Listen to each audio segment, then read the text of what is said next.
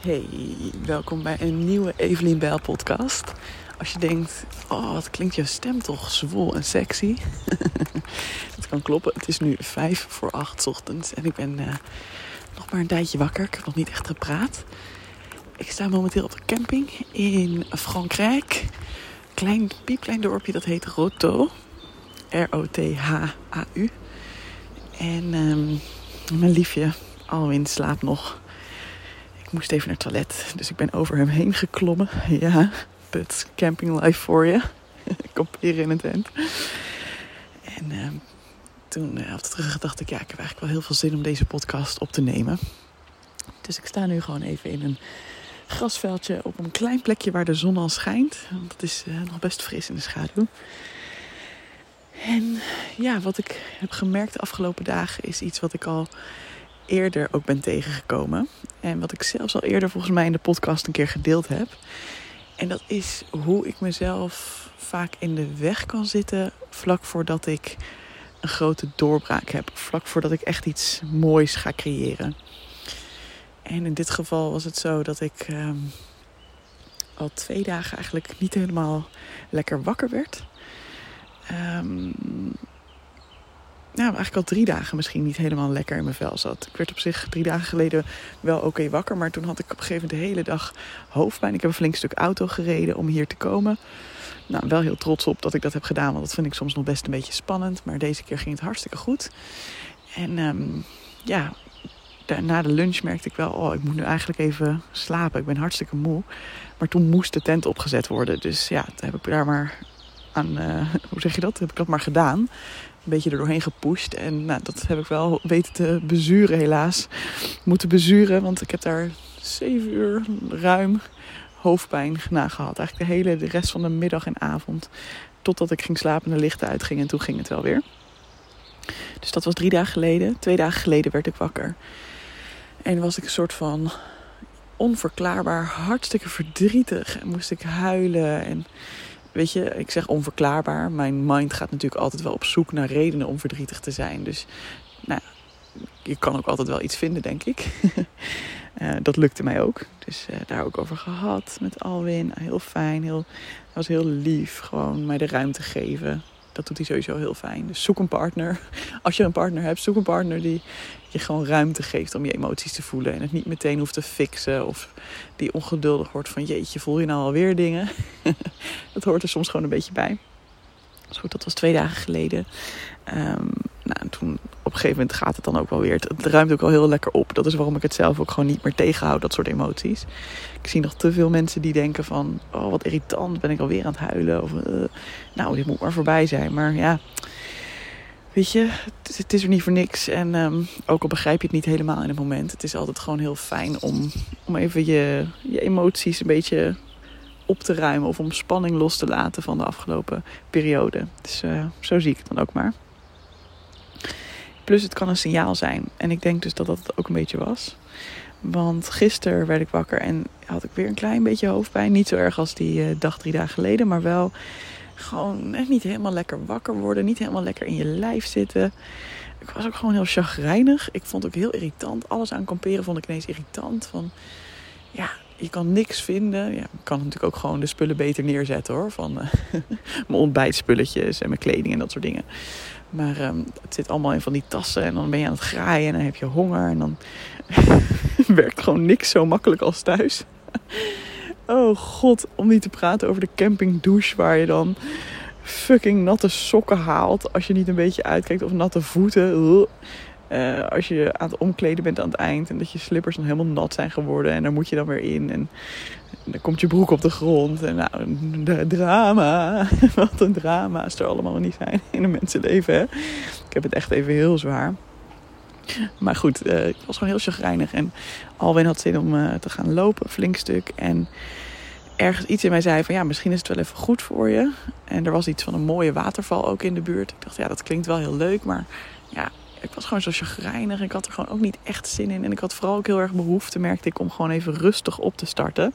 En ondanks dat hij eh, gewoon mij absoluut alle tijd zou geven. Van, nou, desnoods gaan we vanmiddag pas. Maakt helemaal niet uit. We hebben geen haast. We zijn niet op vakantie. ik voelde al toen ik de mogelijkheid had uitgesproken om misschien even wat tijd voor mezelf te hebben, dat dat eigenlijk hetgene was waar ik het meest behoefte aan had. En um, dus ook al had ik, ik had op een gegeven moment wel even gezegd van, oh ja, is misschien wel leuk. Uh, we hadden al een beetje plannen gemaakt en toen heb ik toch gezegd van, nee, ik denk dat het toch beter is als ik even thuis blijf. En dus dat is ook wel iets wat ik echt heb moeten leren hoor. Want vroeger zou ik dan denken, ja, nu heb ik al toegezegd dat ik ga. Dan moet ik ook gewoon. Ik kan hem nou niet aandoen, dat is ook ongezellig. Maar inmiddels weet ik dat het pas echt ongezellig is om iets te doen waar ik eigenlijk net niet helemaal zin in heb. Dan word ik ook gewoon echt niet een leuker mens van.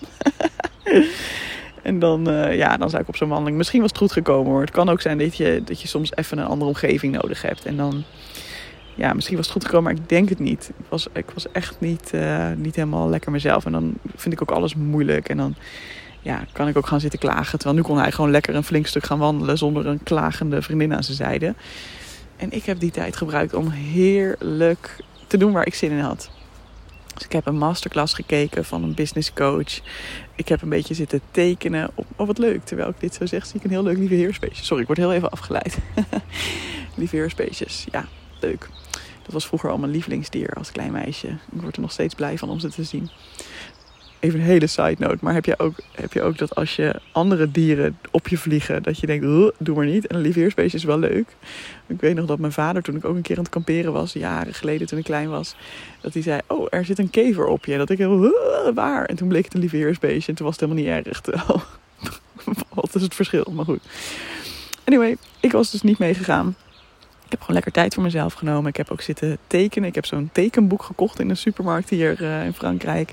En van die stiften, dat je gewoon niet hoeft na te denken, maar gewoon de vakjes hoeft in te kleuren. Gewoon, je kan wel zelf de kleurtjes kiezen, zeg maar. En ik zat dat te doen en lekker dat te luisteren. En op een gegeven moment ook gewoon zelf een beetje te brainstormen over iets wat ik heel graag wil creëren in de wereld. Daarover binnenkort zeker meer. En het wordt een mastermind. Ah, het wordt echt fucking vet. Echt fucking vet. Dit is echt. Ja, ik voel hier heel veel bij. Maar um, goed, volg mij voor meer inspiratie. voor meer informatie bedoel ik. Dus ik zat daar ook zelf een beetje over te brainstormen. En het was het nog niet helemaal. En ik had even een berichtje naar een vriendin ingesproken. En toen bedacht ik me ook, oh wacht, ik heb een keer al eerder met haar een gesprek hierover gevoerd. Dus dat heb ik, en dat heb ik opgenomen. Dus op mijn telefoon omdat ik dacht, ja, dit is waardevol als ik hier ooit weer mee verder ga. Dus dat heb ik zitten terugluisteren.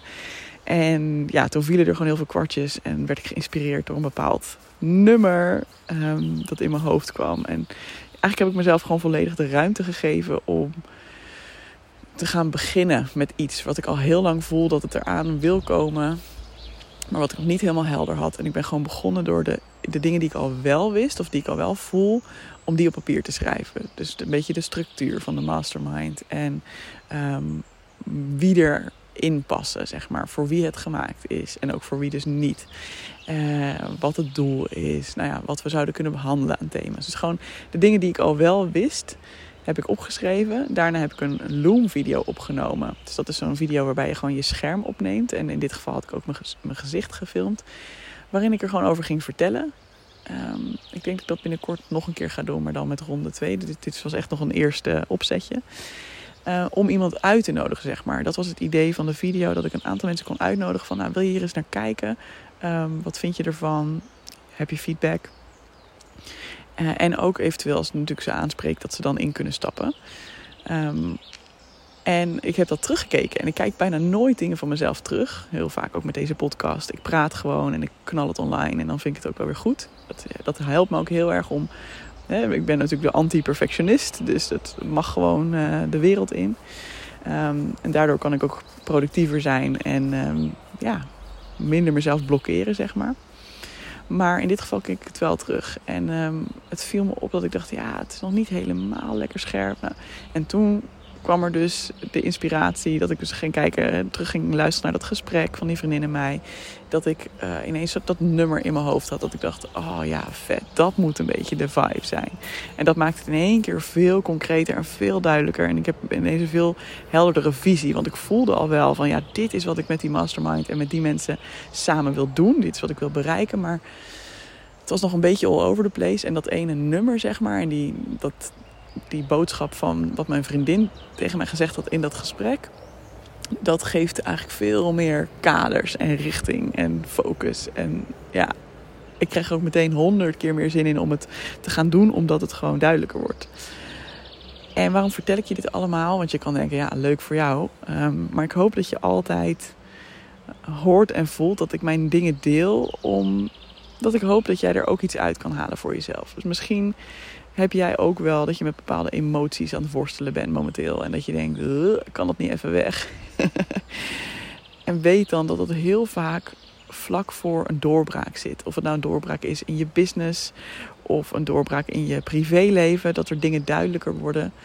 Ik heb het ook echt, inmiddels zie ik het ook echt op die manier. En ik vind het nog steeds irritant als het gebeurt. Want ja, het is leuker om je gewoon ontspannen en relaxed en vrolijk te voelen. Dat voelde ik me dus ook echt gisteren nadat ik dit allemaal had doorgewerkt, zeg maar. En toen alweer weer terugkwam, was ik helemaal vrolijk en kon ik hem daarover vertellen. En dat was gewoon heerlijk dat ik die tijd even gehad had voor mezelf. Om dit ook allemaal op een rijtje te krijgen.